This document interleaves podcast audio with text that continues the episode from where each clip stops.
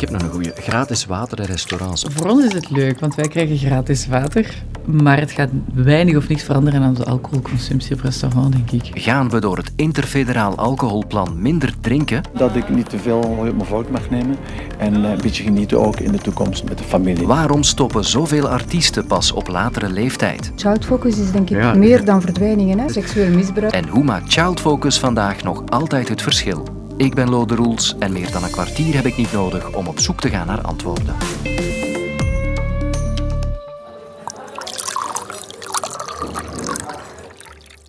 Gratis water op restaurant.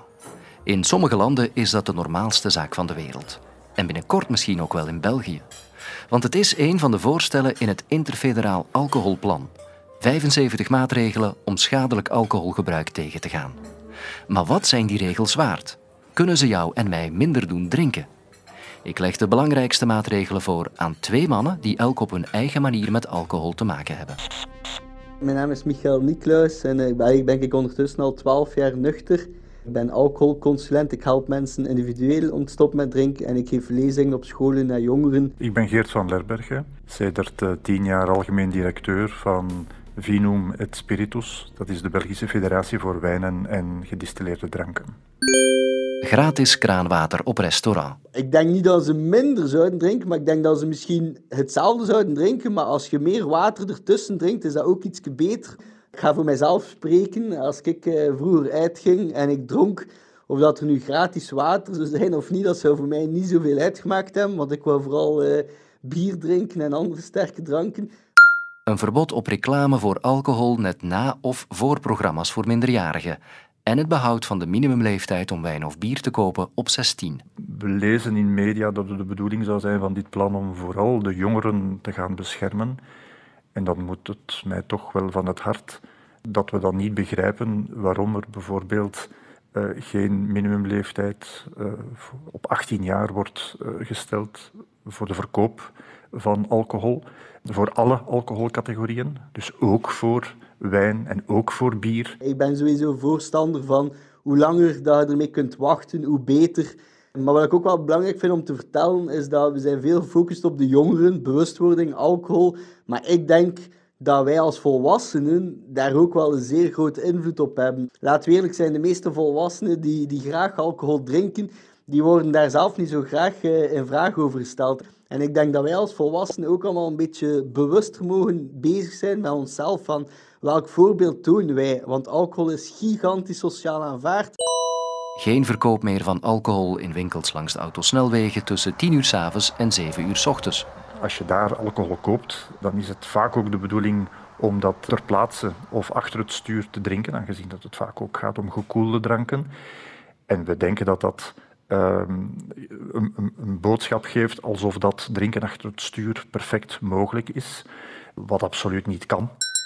Samengevat, krijgt het Interfederaal Alcoholplan goede punten? Alcohol maakt deel uit van onze maatschappij. Ik begrijp dat dit plan een compromis is tussen gezondheidsprincipes en economische principes en wellicht ook ideologische principes.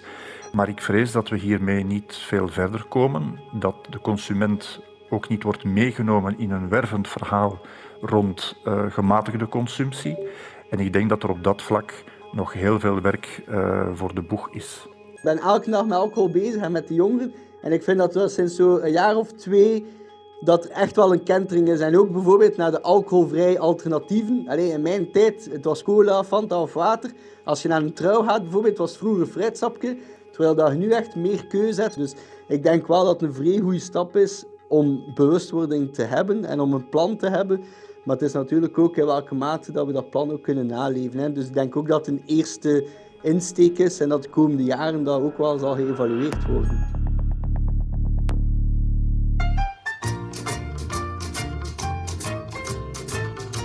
Wiltura stopt met optreden. Dan 7, 9, 7, 2, 0, 4.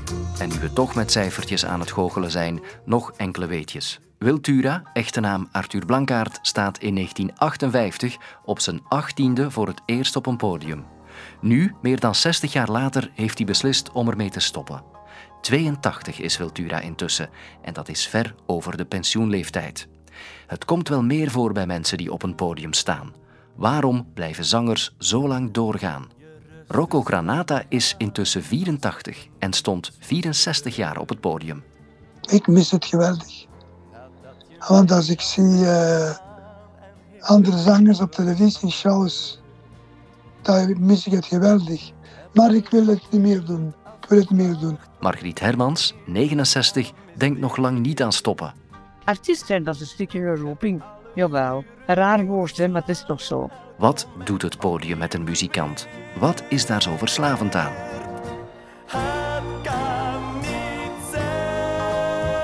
Dat is heel moeilijk om dat te definiëren, maar dat heeft alles te maken met de, hoe ik zeggen, de energie die je krijgt als je voor een publiek staat. Ja, dat, dat, blijft, dat is iets dat zomaar niet weg te denken is. En ja, dat geeft u een enorme kick. Dus ik begrijp heel goed dat Pura dacht van, ik heb dat ook. Zolang dat ik kan zingen en dat ik het fysisch aan kan, ga ik ervoor.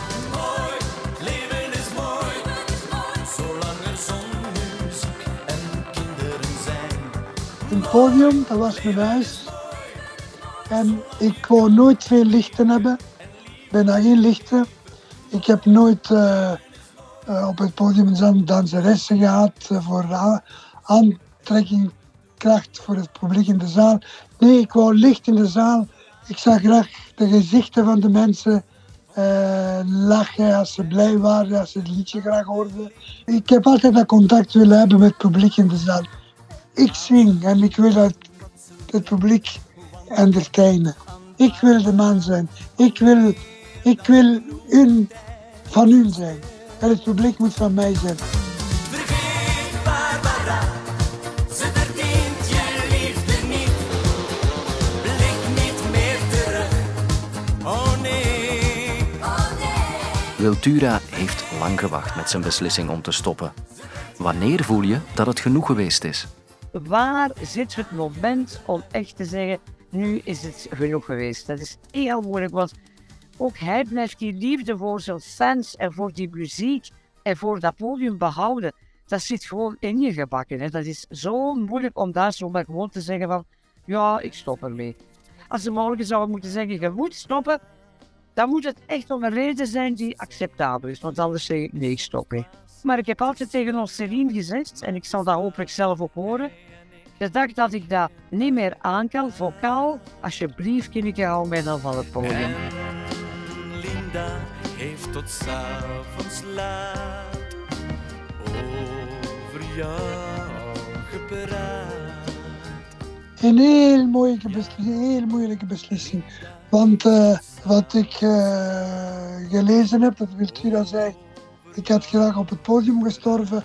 Dat, zeg ik heel, dat heb ik heel mijn leven ook gezegd. Het beste dat zou geweest zijn op een podium sterven.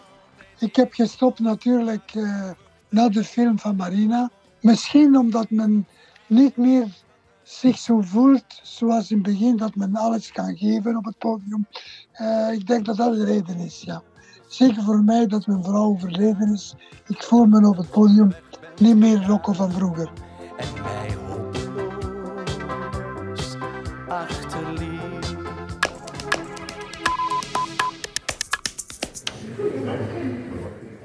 Hoog bezoek vandaag bij Child Focus in Brussel.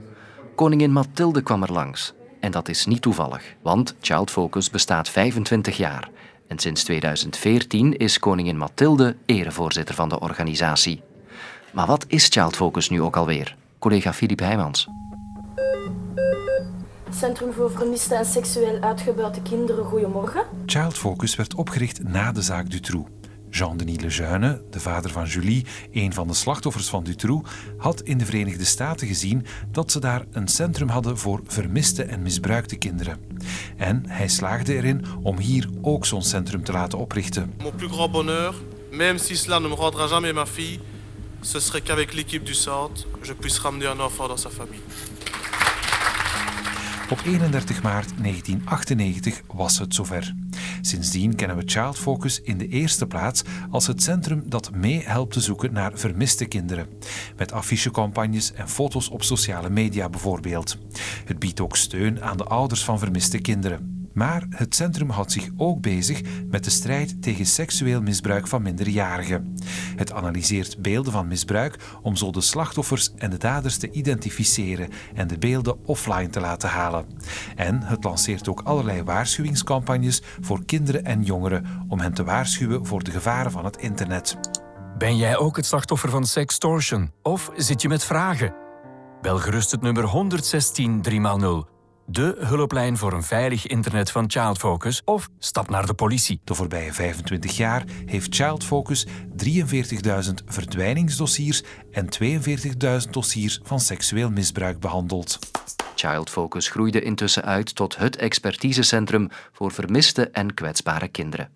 Ik keek terug en vooruit met lieve stappers. Ik was betrokken bij de opstart van Child Focus als juriste, nadien als algemeen directeur en nadien een achttal jaar als bestuurder van Child Focus. Hoe belangrijk was Child Focus de afgelopen 25 jaar? Ja, Child Focus is onontbeerlijk. Er is wel een verandering in positie gekomen.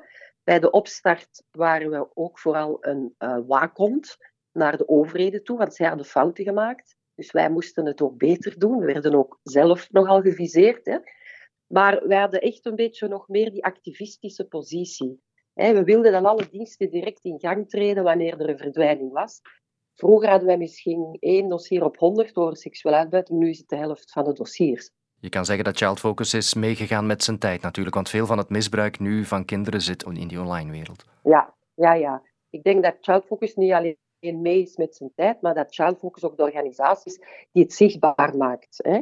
Natuurlijk, nu spreken we van grooming, sexing. Die termen bestonden niet bij de aanvang van Child Focus. Het is ook, om het in marketingtermen te zeggen, een, een sterk merk natuurlijk. Hè. De mensen kennen Child Focus ondertussen wel na 25 jaar, toch? Het is leuk om te horen dat u zegt dat het een sterk merk is, want dat was een van de eerste oefeningen die wij maakten, het logo. We moesten een logo kiezen. Het is het kind dat eigenlijk de armen omhoog houdt. Uh, ik denk natuurlijk, een organisatie als Child Focus had natuurlijk ook de tijd mee. Ik denk dat het een van de meest emotionele momenten van de laatste honderd jaar geweest is. Heel de bevolking stond op de achterste poten. En niet alleen voor de kinderen, maar ook voor het slecht functioneren van de overheden. Wij, bij de eerste dag stonden bedrijven aan onze deur om te mogen sponsoren. Als je zo'n start mag nemen als uh, stichting, dan, uh, ja, dan kan het rap gaan hè, qua branding. Ja, wat ik niet wist, nu we het toch over geld hebben, is dat overheidssubsidies maar een derde van de financiële middelen van Child Focus dekken en dat de rest komt van, onder meer, u zegt het, ondernemingen en het grote publiek. Blijft dat zo Ja. werken? Is dat haalbaar nog steeds? Um, dat moet ook zo, omdat dat ergens ook de onafhankelijkheid in stand houdt voor Child Focus. Dat we wel eens publieke-private financiering hebben. Natuurlijk, en ik kom even terug op de start, wij kregen daar enorm veel geld van de Nationale Loterij, terwijl bijvoorbeeld de Vertrouwenscentra Kindermishandeling, die ook rond seksueel misbruik werkte, maar dat was intrafamiliaal, echt te weinig middelen hadden. Dus in het begin was dat een hele moeilijke verhouding naar hen toe en moesten ermee samenwerken. Idem dito voor het parket. Zij hadden geen computer, zij hadden geen mobiele telefoon. En dat hadden wij allemaal. Wij zaten in knappe gebouwen. Dus ja, we hebben eigenlijk altijd veel uh, geluk gehad met heel de financiering vanuit de privésector. En ik denk dat dat belangrijk is, want Child Focus is ook een organisatie die gedragen moet worden door de bevolking, want zij helpen ook mee aan de opsporing van vermiste kinderen. Hè? De kaap van 25 jaar, die kunnen wij nog niet ronden. Wel die van aflevering 145. Die heb je namelijk net helemaal gehoord. Morgen is Sofie er. Is dat veelbesproken boek nu wel of niet leesbaar? Joris Hessels en Annelies Mons zoeken het voor je uit in de boekenpodcast Leesbaar. Nu in de app van VRT Max.